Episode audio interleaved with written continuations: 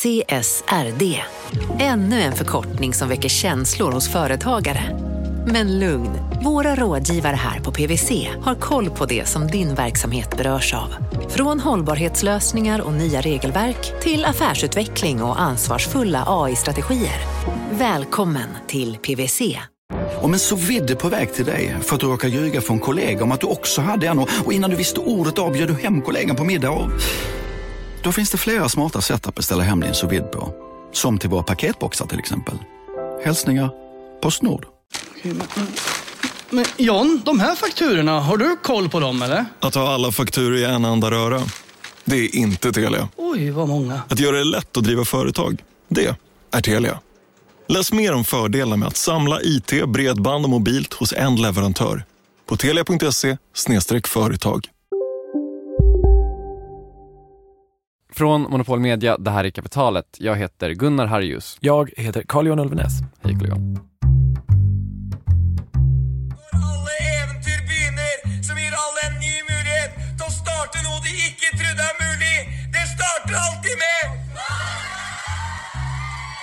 Eh, vad är det som pågår? Lite- Är, det, är det någon slags måndagsinspo? Ja, alltså förutom kapitalet så finns det ju liksom en konstant återkommande glädje på måndagar. Och det är hotellmagnaten Peter Stordalen som önskar glad måndag. Han tycker att allting startar om då. Man har liksom en chans till nystart och, och underverk. Jag ser du till exempel nu, efter att ha spelat upp det här för mig, du sitter ju här och lyser av inspo och nystart. Av inspo och nystart. Och det gör även eh, Peter Stordalen. Han eh, intervjuades i DN i somras om sitt nya affärsprojekt som är ett bokförlag. Det är ju en bransch i eh, förändring, men han menar att liksom, storytelling är det nya svarta. Mm. Och just därför så kommer vi idag att ta oss an kanske världens äldsta bransch, bokbranschen. Det är inte den äldsta, men den har funnits länge i alla fall, så mycket kan vi säga. Och den är väl ständigt i utveckling, men kanske lite extra just nu. Exakt. Bokmarknaden växer ju i motsats till hur det lät för kanske några år sedan när det bara slogs på liksom dödstrumman. Och den här tillväxten kan ju till stor del förklaras med de här nya digitala tjänsterna. Förra året så ökade försäljningen av böcker med 5 och försäljningen i fysiska bokhandlar gick ner. Men samtidigt så växte de här digitala abonnemangstjänsterna med mer än 30 så man skulle kunna säga att liksom e-böcker och ljudböcker, de har ritat om kartan för hur bokbranschen eh, ser ut idag och kanske framförallt hur den kommer se ut i framtiden. Lite som musikbranschen en gång i tiden fick lära sig att så här, revenue share är jättekomplicerat, så liksom går väl bokbranschen igenom det revenue share stålbadet just nu. Exakt. Eh, I somras så sänktes digitalmomsen, alltså momsen på digitala publiceringar. Och exakt konsekvensen av det är ju svårt att veta redan nu. Men när momsen sänktes för tryckta böcker för typ 20 år sedan så var det avgörande i bokbranschen. Och precis som resten av medievärlden så befinner sig bokbranschen i en, en omställning genom digitaliseringen. Det är väl de är ju absolut inte ensamma om, utan det kan man säga typ alla branscher. Alltså, vi har ju faktiskt gjort ett avsnitt om avloppsbranschens digitalisering en gång i tiden. Ständigt denna digitalisering. Men digitaliseringen av bokbranschen har liksom pågått så länge så att bokbranschen är i en andra våg av digitalisering. Mm. Och hur andra vågens digitalisering egentligen ser ut efter det här.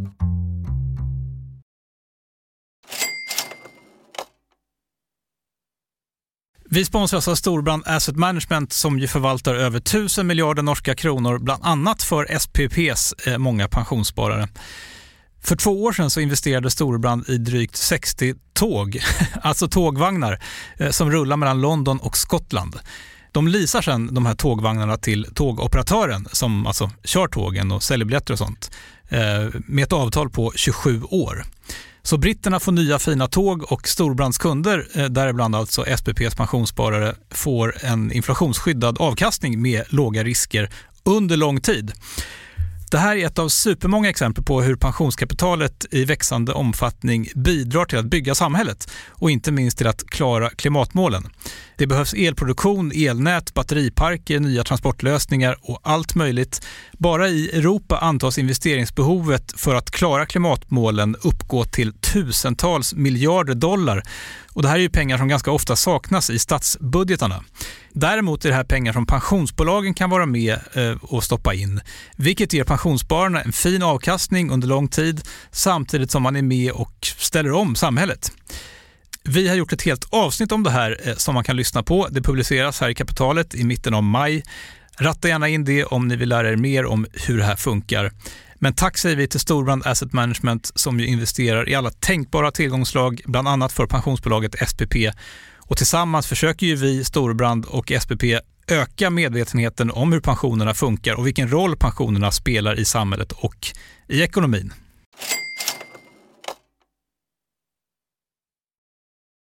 Minns du tv-programmet Draknästet? Jag minns kanske framför allt den brittiska varianten som jag tror heter Dragons Den. Håller Dragon's Den. fortfarande på, det är helt sjukt. Det var ju Ja. inte en succé i Sverige, men det var ju typ så här. Någon kom in med en idé och så fick man pitcha den framför typ fyra då drakar som var någon så här ärkeinvesterare och sen så var det lite så här fram och tillbaka och, och, och sen så fick de ett ja eller nej på de här pengarna. Typ så. Alltså, inte en usel idé på en, eh, på en tv-serie. Kanske lite före sin tid. Jag vet inte, kanske det är lite före så här den här riktiga så startup-boomen när alla gick runt och hade så här en bra företagsidé i bakfickan. Men, men jag vet inte, ja. Risig, risig titel. Ja, risig titel. Men kanske att det finns en reboot i korten då? Jag tror det. Det gick på SVT för tio år sedan. En av de idéer som pitchades var Storytel. Allt fler svenskar njuter av att lyssna på ljudböcker. Och idag har vi Jonas Telander som är här för att presentera sin tjänst som innebär att man kan lyssna på ljudböcker i mobilen. Notera hur hon säger i mobilen. Det går fort, Ja. Gunnar Arius. Hej, jag heter Jonas Telander och är här för att presentera Storytel som är världens första tjänst för ljudböcker i mobilen. Okej, men hur gick det då för Jonas Talander, Storytels eh, grundare, som, ska vi kanske tillägga, har lagt upp det här klippet på Youtube själv? En av eh, drakarna köpte 10% av företaget för en miljon och Storytel är idag värderat till omkring 5 miljarder kronor. De har alltså köpt Norstedts. Så att, eh, ja, men det gick helt okej för den draken. Den draken, om vi nu ska använda det ordet, eh, han har då 500-dubblat sin investering. De har icke piss av att se det klippet. Nej. Storytels expansion är också en del av dagens tema, hur digitaliseringen och ljudboksboomen påverkar bokbranschen, men också hur bokbranschen i helhet mår. Det finns en gammal eh, sanning på något sätt som går ut på att Bonniers har veto i bokbranschen, vilket betyder att allt som de eh, vill ge ut får de ge ut. Och sen så stämmer ju inte det givetvis, men en sån så att säga sanning finns ju av en anledning. Det här är Olle Grundin. Han är grundare och förläggare på Mondial. De är relativt nystartade och har bara funnits i ungefär två år, men de gav ut en av förra årets mest sålda och uppmärksammade fackböcker. För att det ska skapa uppmärksamhet så brukar vi eh, säga att vi ska bli Sveriges näst största förlag och sen så brukar vi skämtsamt också säga att det är under förutsättning att alla andra också krymper. Han säger att han märker av en förändring i branschen sen när han började jobba med böcker. Eh, när jag började jobba i bokbranschen 2011 så märkte man att man fick väldigt mycket uppskattning till exempel för att man svarade på e-post och såna här saker. Så att liksom nivån var kanske inte, nivån på vakenhet i bokbranschen, vilket jag tycker har förändrats väldigt mycket sedan dess, men den var kanske inte skyhög eh, då. Alltså bokbranschen traditionellt sett har varit ganska inåtskådande där man liksom kunde sitta lite på sin kammare och eh, fundera på vad man själv tyckte var bra och sen så hade eh, de liksom, större eh, förlagen en sån distributionskraft ut mot marknaden. Liksom. Så att då kunde man helt enkelt skapa bästsäljarna och trycka ut dem till läsarna, vilket gjorde, det var en fungerande modell och det gjorde också att man inte behövde fundera kanske jättemycket på vad folk faktiskt ville läsa utan istället kunde man lära dem liksom, vad de skulle läsa. Och det där har ju förändrats väldigt, väldigt mycket. Det har ju demok- bokbranschen har ju demokratiserats något helt otroligt. Eh, Okej, så mindre bokförlag kan liksom få vad man tänker i större titlar om de är lite så här på tårna. Och det känns väl liksom som en sån klassisk fördel man har om man är liksom ett mindre företag. Lite så. Och ambitionen för alla förlag är väl, förutom att ge ut bra böcker, att ge ut bra böcker som, ja, men liksom som säljer som fan helt enkelt. Det som blir en bestseller är det som också eh, skulle kunna kallas för ett fenomen. Um, så att eh, när vi jobbar med någonting mm, så vill vi gärna liksom ta oss an frågan som handlar om såklart en ursprunglig fråga är kanske är det här ett fenomen? Ja, är det det så, så kanske man ska eh, verkligen försöka ge ut en bok på temat eller inom området. Eh, men den kanske är viktigare frågan för förlag och också för att förlag ska liksom berättiga sin egen existens i framtiden är ju kan vi vara med och skapa ett fenomen här? Vi hade en formgivare som vi jobbar med, med på julbordet eh, 2017 som sa till oss att ni borde kolla in den här Jordan Peterson. Alltså han, eh, han, det är någonting alldeles extra med den där. in order to be able to think, you have to risk being offensive. I mean, look at the conversation we're having right now. You know, like you're certainly willing to risk offending me in the pursuit of truth. Why should you have the right to do that? It's been rather uncomfortable. Eh, Jordan Peterson är ju då, apropå fenomen, så han är ju ett fenomen i sig. Så att vi hade väl egentligen bara kunnat eh, ge ut den där boken och sen inte säga ett knyst. Men det är klart att vi har jobbat med, med eh, den, svenska, den svenska lanseringen väldigt mycket. Vi hade honom här i tre omgångar och han var med, gjorde väldigt mycket intervjuer och så där, ställde upp på väldigt mycket. Men sen är det klart att det fanns en enorm draghjälp liksom när Margot Wallström, Sveriges utrikesminister, går ut på scen och, och säger att, att en, att en eh, att en utländsk eh, akademiker då professor kan liksom krypa tillbaka under den sten han kom ifrån för en bok han har skrivit. Så där som, det är klart att det gav också en otrolig draghjälp i, i, eh, i marknadsföringen. Kanadensiska poppsykologen Jordan Peterson blev ju förra året någon slags symbol för polariseringen mellan identitetspolitik och incels typ. Och är väl också ett ganska tydligt exempel om man vill identifiera en skiljelinje mellan stora förlag och små när det kommer till att köpa rättigheter. Det, det funkar ju som när man köper en lägenhet ungefär, att eh, eh om det är flera som vill ha samma rättigheter då får man buda helt enkelt. Det var fem svenska förlag som var med och tampades om rättigheterna, men det som är intressant med just den boken som också säger någonting om bokbranschen idag är ju att det var inga av de så att säga, större, största förlagen som var med och tampades om de här rättigheterna. De var helt enkelt inte intresserade och det var väl då just för att det ansågs vara för kontroversiellt och kanske lite för jobbigt att befatta sig med och sådär. Okej, så det är väl liksom steg ett kan man säga. Identifiera någonting som man tror kan bli en storsäljare. Men alltså, om man ska få en bild av liksom vilka summor det är man kan slänga ur sig på en sån här auktion så känner jag att man måste veta vad man kan dra in också. Vad, liksom, vad kan en Jordan Peterson kassako dra in till ett litet bolag? Exakt vad varje bok drar in ville Olle inte svara på, men vi gjorde ett räkneexempel på ungefär vad intäkterna kommer ifrån. För en eh, ny tryckt inbunden bok så har vi på förlaget kanske en intäkt på då Eh, drygt 100 kronor, 120 kronor per sålt exemplar för en eh, strömning, en komplett strömning som det heter av samma bok men i ljudboksformat så får vi idag från Storytel mellan 10-12 kronor per lyssning då. Eh, och e-boken prissätter vi någonstans, någonstans där kanske mittemellan 50-60 kronor. Vilket alltså betyder att en bok måste lyssnas på av tio gånger så många som läser en tryckt bok för att förlagen ska kunna få in lika mycket pengar. Då ska någon sätta på en ljudbok relativt många gånger. Ja, men det är också här som problemet kommer in. För ju fler folk lyssnar och använder tjänsten, desto mindre lönsamma är kunderna eller lyssnarna. Okej, så hur funkar det? Det finns typ tre stora ljudbokstjänster. Bookbeat, Nextory och Storytel. Och sen så är det flera på väg upp så att säga. Mm. Akademibokhandeln håller på med en och Bokus håller på med. Ja, det är Och. Amazon vill säkert ta över Sverige också. Allt det där. Ja. Och Storytel är absolut störst och de använder sig av något som kallas för en revenue share-modell. Det har varit ganska kritiserat för det här sker liksom utan insyn. Och revenue share är alltså samma upplägg som typ Spotify har, alltså att eh, förlagen får inte betalt för varje enskild lyssning utan man får då eh, liksom en fast ersättning per typ lyssnad timme och den delar man då med eh, Storytel. Exakt. Man kan jämföra ungefär med ett eh, typ buffébesök. Kunderna betalar sig 150 spänn för mongolisk barbecue. Drömmen. Om alla äter en portion, kanske en och en halv, man tänker att man ska passa på lite glass till efterrätt och sen tack. Då går liksom restaurangen plus. Men om folk börjar nalla på portion nummer fem, sex, här ska inte tänkas på någon sommarkropp, då blir det lite knepigare för restaurangen. Alltså om användaren kanske på en månad lyssnar igenom alla elva Lisa Marklunds böcker om Annika Bengtsson. Väldigt mycket Annika Bengtsson. Mycket Annika Bengtsson blir det. Okej, så säg att man lyssnar på alla 11 Annika Bengtsson-böcker. Då kanske det är gissningsvis 240 timmar Annika Bengtsson.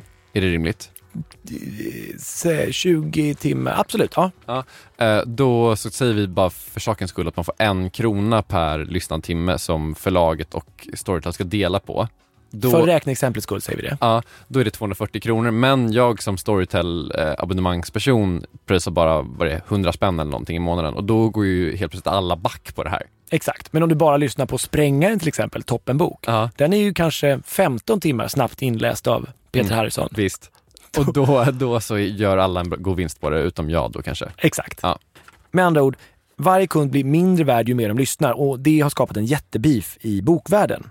I höstas så kom det fram att Bonnier inte har gått med på att ha en sån här revenue share-modell och istället fått betalt per bok. Vilket ju då inneburit att de fått mycket mer betalt per lyssning än andra förlag. Man kan tänka sig att de haft ett väldigt så tungt förhandlingsutrymme. Det har de. Men det här har ju också skapat en känsla av orättvisa hos de andra förlagen. Revenue share i bokbranschen betyder ju att eh, eh, Bonnierförlagen får mycket mer och sen så får alla andra dela på, på det som blir kvar. Ja, det här systemet håller på att förändras om och under våren så har det framkommit att Storytel, som ju äger Norstedt, har marknadsfört deras böcker mer än Bonnier-böckerna enligt Bonnier, vilket gjort att Bonnier dragit tillbaka alla sina nya titlar från Storytel. Och, så, okej, och vad gör Storytel då? De har ju svarat med samma mynt typ. Det är en pågående beef, men bland annat genom att låsa in David Lagercrantz sista bok i Millennium-serien i Storytel. Okej, så liksom i bråket om de här olika avtalen så har förlagen då börjat låsa in sina egna och nya böcker hos sig själva kan man säga. Bonnier äger Bookbeat och de släpper inte sina nya Bonnier-böcker till Storytel som då är Nordstedts kan man säga, eller tvärtom. Eh, och de i sin tur, då alltså Storytel slash Nordstedts, de låser in Lisbeth Salander.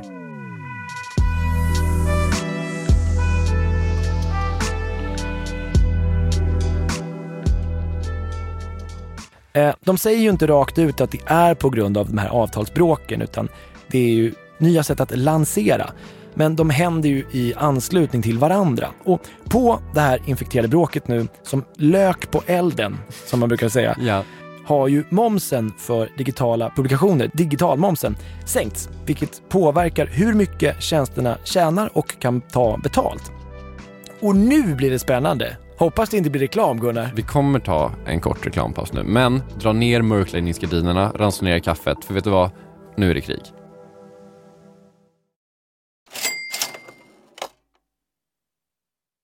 Kapitalet sponsras av Master Exchange, plattformen där du som privatperson kan investera i låtar och får pengar varje gång de här låtarna spelas. Eh, vi berättade ju senast eh, om barnlåten Puff the Magic Dragon som noterades av Master Exchange under våren.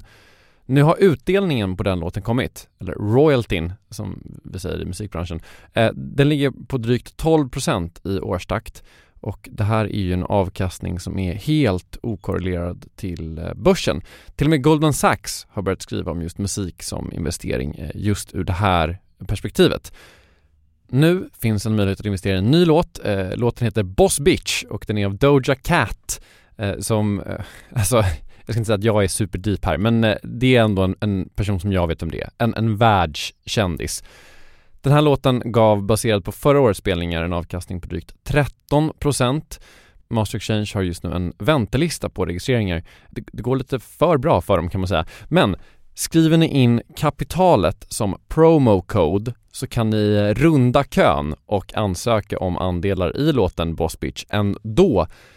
Om ni investerar helt vanliga pengar, det är inget krypto eller sånt där. Så vill du investera i musik och få en avkastning som är helt okorrelerad med börsen och kanske inte minst för att det är kul att äga låtar eh, så kan man gå in på masterexchange.com och använda kapitalet som promo code så går man alltså förbi kön.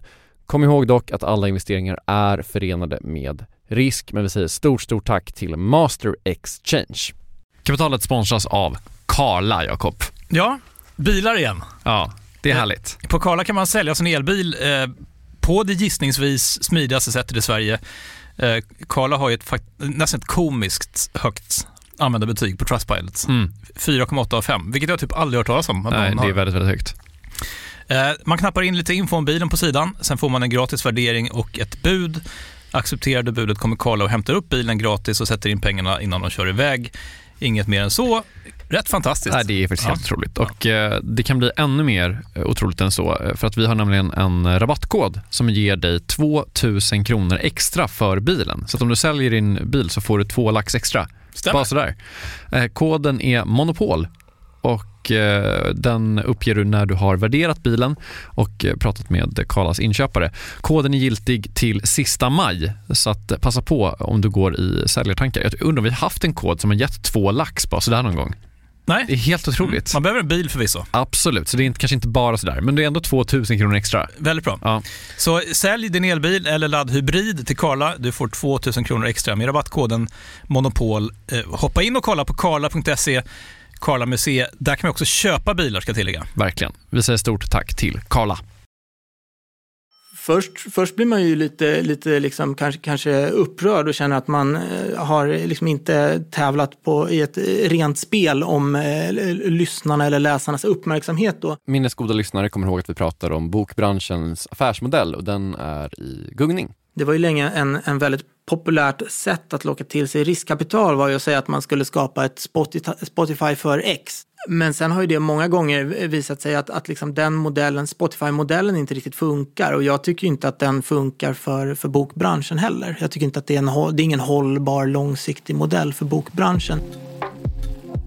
En liten recap då. Eh, Olle Grundin på bokförlaget Mondial berättade berättar att de får ungefär mellan 100 och 120 spänn från försäljningen av en tryckt bok och mellan 10 och 12 kronor, alltså 10 procent ungefär, eh, för en komplett ljudbokslyssning. Det pågår med andra ord en konflikt i branschen kring hur intäkterna från ljudboksapparna ska delas, alltså hur revenue share, som det så fint heter, ska fungera i bokbranschen. Det vi ser nu med abonnemangstjänsterna är en slags andra digitaliseringsvåg av den här branschen. Ja, för att få en lite neutral analys mellan alla skyttegravar i det här så har jag träffat Erik Wikberg. Han är ekonomidoktor på Handels i Stockholm och analyserar försäljningssiffror för bokbranschen. Den första var ju när internetbokhandeln kom och man såg att det blev allt svårare för fysiska butiker att hävda sig i den konkurrensen. Han menar att både konflikten och avtal och ifall man verkligen kan släppa alla titlar på alla plattformar kan ses lite i ljuset av varandra. Det är kanske är ett sätt att markera att man inte vill att eh, vissa större aktörer ska ha sådana stordriftsfördelar och att man försöker hitta en modell som ska vara accepterad av alla parter på, eh, på marknaden. Men samtidigt säger Erik att stordriftsfördelar är ju inte en helt sinnessjuk grej att ha som affärsmodell. Det där är ju också egentligen ett slags eh, intressant fenomen eh, för att eh, på ja, men, i princip alla marknader så har man ju annars stordriftsfördelar. Om man går in och köper tusen lastbilar så kommer man få ett bättre pris än om man köper en lastbil.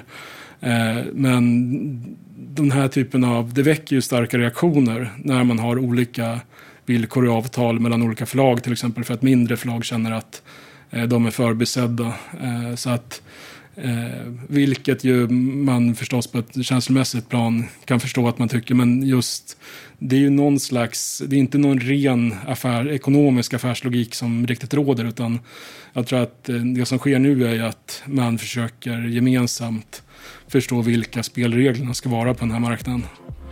Eh, han tror att marknaden skulle tjäna på att ljudboksleverantörerna blir mer olika varandra.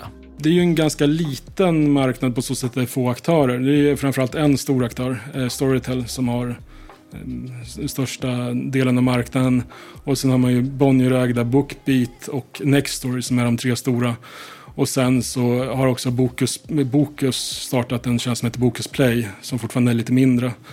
Eh, och det här får vi ju se hur marknaden utvecklas. Jag tror att det kanske vore bra för branschen att eh, aktörerna har ett mer differentierat utbud så att eh, konsumenter kan vilja ha fler än en tjänst. Om alla är likadana så finns det ingen, inget skäl till att ha mer än en förstås. Och det kan man, om man jämför med hur det ser ut på eh, serier och filmer så är det inte ovanligt att folk har Netflix och sen Seymour, HBO eller någonting annat för att det är vissa delar som man vill ha av respektive abonnemang. Eh, och det har vi inte sett när det gäller ljudböcker men det kan ju, det är ju tänkbart att det kanske kommer. Ja, som vi sagt då så har digitalmomsen precis sänkts från 25% till 6%. Eh, bokmomsen sänktes för typ 20 år sedan Och det var liksom så här, den största grejen som hänt på bokbranschen på hur länge som helst. Eh, men tills nu så har det alltså varit olika moms på digitala och fysiska publikationer, vilket är eh, man kan väl tänka att det är ologiskt, eh, men det har tagit ganska lång tid att fixa till det här. Ja, och e-boken har ju liksom inte slagit i Sverige på samma sätt som i USA. Det finns lite olika teorier om det där. Ett av dem är att ja, digitalmomsen har varit så hög, men andra tror att det handlar mer om att Sverige har haft en stark tradition av pocketböcker som är ungefär samma prisklass. Liksom. Den här momssänkningen har varit på gång ganska länge för det har funnits en konsensus om att den behövs, men det är liksom annat som har stått i vägen. tekniska och juridiska komplikationer mer än att eh, viljeinriktningen inte har funnits där. Eh, det är också så att det ingår ju också i annan digital moms. Hur, vad händer med bloggar eller vad händer med eh, tidskrifter och så vidare. Så man har ju behövt definiera det här väldigt tydligt. Eh, vad en sån här momssänkning ska innebära. Men i grunden så är det ju så att eh, Alltså det är lite absurt om man tänker att en fysisk ljudbok, alltså en ljudbok som man har på ett, eh, eh på ett, eh, på ett fysiskt lagringsminne, den har ju haft en lägre moms än någon som man, en bok som man har streamat trots att det är en identisk produkt. Så att det här att man vill ha en teknikneutral lag och att det har varit helt rimligt att man har haft den här momsen, att, att man har en sänkt eh, bokmoms på digitala ljudböcker har ju varit egentligen självklart under lång tid för eh, många. Okej, men när den här momssänkningen nu kommer, vad kommer det hända i, i bokbranschen? I den här omställningen nu när man får eh, sänkt digital moms så kommer det innebära att eh, de som har, när man har en revenue share-modell så går det ju faktiskt direkt eh, att man ser att det kommer gå också till stor del till författare och förlag. Så att det är ju en, egentligen en fördel med, med den affärsmodellen som annars har varit väldigt kritiserad eftersom Eh, man har ju sett att den här konsumtionen har ju gått upp mycket mer i volym än vad det har gjort i sålda abonnemang. Sen de här som har en fast ersättning, där så blir det ju en diskussion om hur de ska, eh, hur man ska förhålla sig till den här sänkta momsen, om det ska gå till återförsäljaren, om man ska öka ersättningar till eh, förlag och författare, om man ska sänka priser. Så att där är det inte lika tydligt vad som kommer hända. En annan diskussion som pågår i ljuset av de här växande ljudboksapparna, det är ju hur det kommer påverka innehållet. Man har ju sett på topplistor i de här abonnemangstjänsterna att det framförallt är det som kallas genrelitteratur, alltså deckare, eh, romance och så vidare, som går väldigt bra. Eh, och vissa har befarat att eh, den här typen av mer eh, tung kvalitetslitteratur ska bli lidande för att det inte är ett sånt, sådana typer av böcker man konsumerar i det här formatet. Och det här har man ju haft olika teorier om att vissa menar att jo, men det är för att det är en ny typ av användare som kommer in eh, på marknaden i de här abonnemangstjänsterna. Det kan alltså vara så att de som inte läser i lika stor utsträckning nu, de kommer kanske börja konsumera ljudböcker, eller konsumera ljudböcker redan. Lite så. Samtidigt så vet man att det är mycket svårare att konsumera en del sorts innehåll på ljud eller ljudligt. Vi vet att det är så att eh, det är svårare rent kognitivt att lyssna på en historia med väldigt många karaktärer när man lyssnar på det och inte läser. Eh, det kan vara svårt om man har en bruten kronologi. Sådana här saker som i en bok som man uppfattar som väldigt tydligt att det står 30 år senare kan lätt eh, bara glida förbi en ljudbok och så kan det bli väldigt svårt att följa med i historien. Så att ljudboksformatet premierar ju på sätt och vis en slags väldigt rak och enkel berättelse med få karaktärer. Eh, och det är någonting man har diskuterat i branschen om eh, när det här formatet växer, om det också kommer att medföra att eh, annan typ av annan utgivning som det kommer leda till. Sen är ju inte heller tipset att inte ha en komplicerad tidslinje och svinmånga karaktärer något nytt litterärt tips för att locka läsare. Jag vet att det här var också Astrid Lindgrens råd till författare att man inte ska ha allt för många karaktärer. Så att det är på sätt och vis ingenting som är någonting som har precis kommit nu med digitala abonnemang, abonnemangstjänster. Eh, men det är ändå så att man kan se att, eh, att viss typ av litteratur eh, fungerar bättre i de här tjänsterna. Och det har också med att göra att många konsumerar ju böcker på ett annat sätt. Istället för att sitta i en soffa och läsa så kan det vara nu att man kanske diskar eller ute och springer och då blir det också svårare att lyssna på en viss typ av litteratur som eh, kanske är mer krävande. Jag vet också att när jag konsumerar ljudböcker så är det på stranden och då vill jag hellre ha min lilla deckare än Nobelprisvinnaren. Du, vill- du kommer söka upp Annika. Då blir det definitivt en Annika Bengtsson. För tidningen Kvällspressen är det här förstås en jättegrej. Annika Bengtsson skickas ner till Costa del Sol för att bevaka dödsfallen och hon åker under protest. Men om man får 100 spänn för en bok i handen och 10 spänn eh, för en ljudbok så lär ju framtiden bli så att det kommer dröja innan man får böckerna i ljudboksvariant. Alltså lite som att det dröjer innan man kan streama en film. Alltså man först man kan se den på bio motsvarar väl då kanske inbunden och sen så kommer då eh, en SF Anytime. Det är kanske en pocket då, lite billigare och sen så kommer då till Netflix som är då eh, Ljudboken. Ja. Otroligt bra jämförelse. Tack. Samtidigt är det här framtidens sätt att konsumera. Jag var inne på lite samma spår som du är med Olle, men han menade att det skulle kännas lite som att sabba för författarna. Vi försöker ju tänka, vår verksamhet utgår ju från författarna och hjälpa dem att lyfta sin historia. Om jag ikläder mig själv rollen som eh, författare så är det klart att jag skulle vilja att min berättelse, min historia, det jag vill berätta möter läsarna på alla plattformar som finns tillgängliga. Så utifrån, utifrån det perspektivet så, så kan man ju säga att det är ju liksom en intern branschangelägenhet att man skulle låta grejer gå i karantän och sådär. Så jag tror att det handlar ju snarare tror jag om ehm, då, eh, liksom branschens aktörer eh, måste ju helt enkelt komma överens om, om ersättningsnivåer på ett sådant sätt så att det i grund och botten gynnar författarna. Både i deras vilja att komma ut men också ekonomiskt såklart. Men eh, om man vill summera lite då. Ljudböcker växer så det knakar. Samtidigt så får förlagen mindre pengar för ljudböckerna och det pågår en bubblande utveckling kring hur de här avtalen kommer se ut i framtiden. Ungefär så. Jag får ändå lite lugn av att Peter Stordalen tycker att storytelling är framtiden. Och liksom gett sig in och rört om i den här bokförlagsgrytan. Den här norska energin, den har någonting Gunnar. Ja. Och Olle från Mondial har en, en liknande tro på att bokens guldålder ligger i framtiden. Av flera skäl. Så jag, dels så tror jag att i, i en eh, liksom, eh, värld som blir allt kortare så springer väldigt många runt och letar efter någonting som är substantiellt och eh, ta sig i, oavsett, eh, liksom hålla sig i, oavsett om det är en en, eh, en liksom, i form av en underhållande berättelse eller om det är hårda fakta så letar vi lite efter, efter den, den platsen och där tror jag boken har en jätteviktig och framförallt väldigt ljus framtid i det. Med det så är kapitalet slut för den här veckan. Vi som har gjort det här avsnittet heter Carl-Johan Ulvenäs och Gunnar Harjus. Vår chef heter Jakob Bursell och Kristoffer Krook har slutmixat det här avsnittet. Följ oss gärna på Instagram. Där heter vi Kapitalet, Johan. Gör du det? Ja. Bra, härligt. Eh, vi är tillbaka med ett nytt avsnitt om en vecka. Hej då.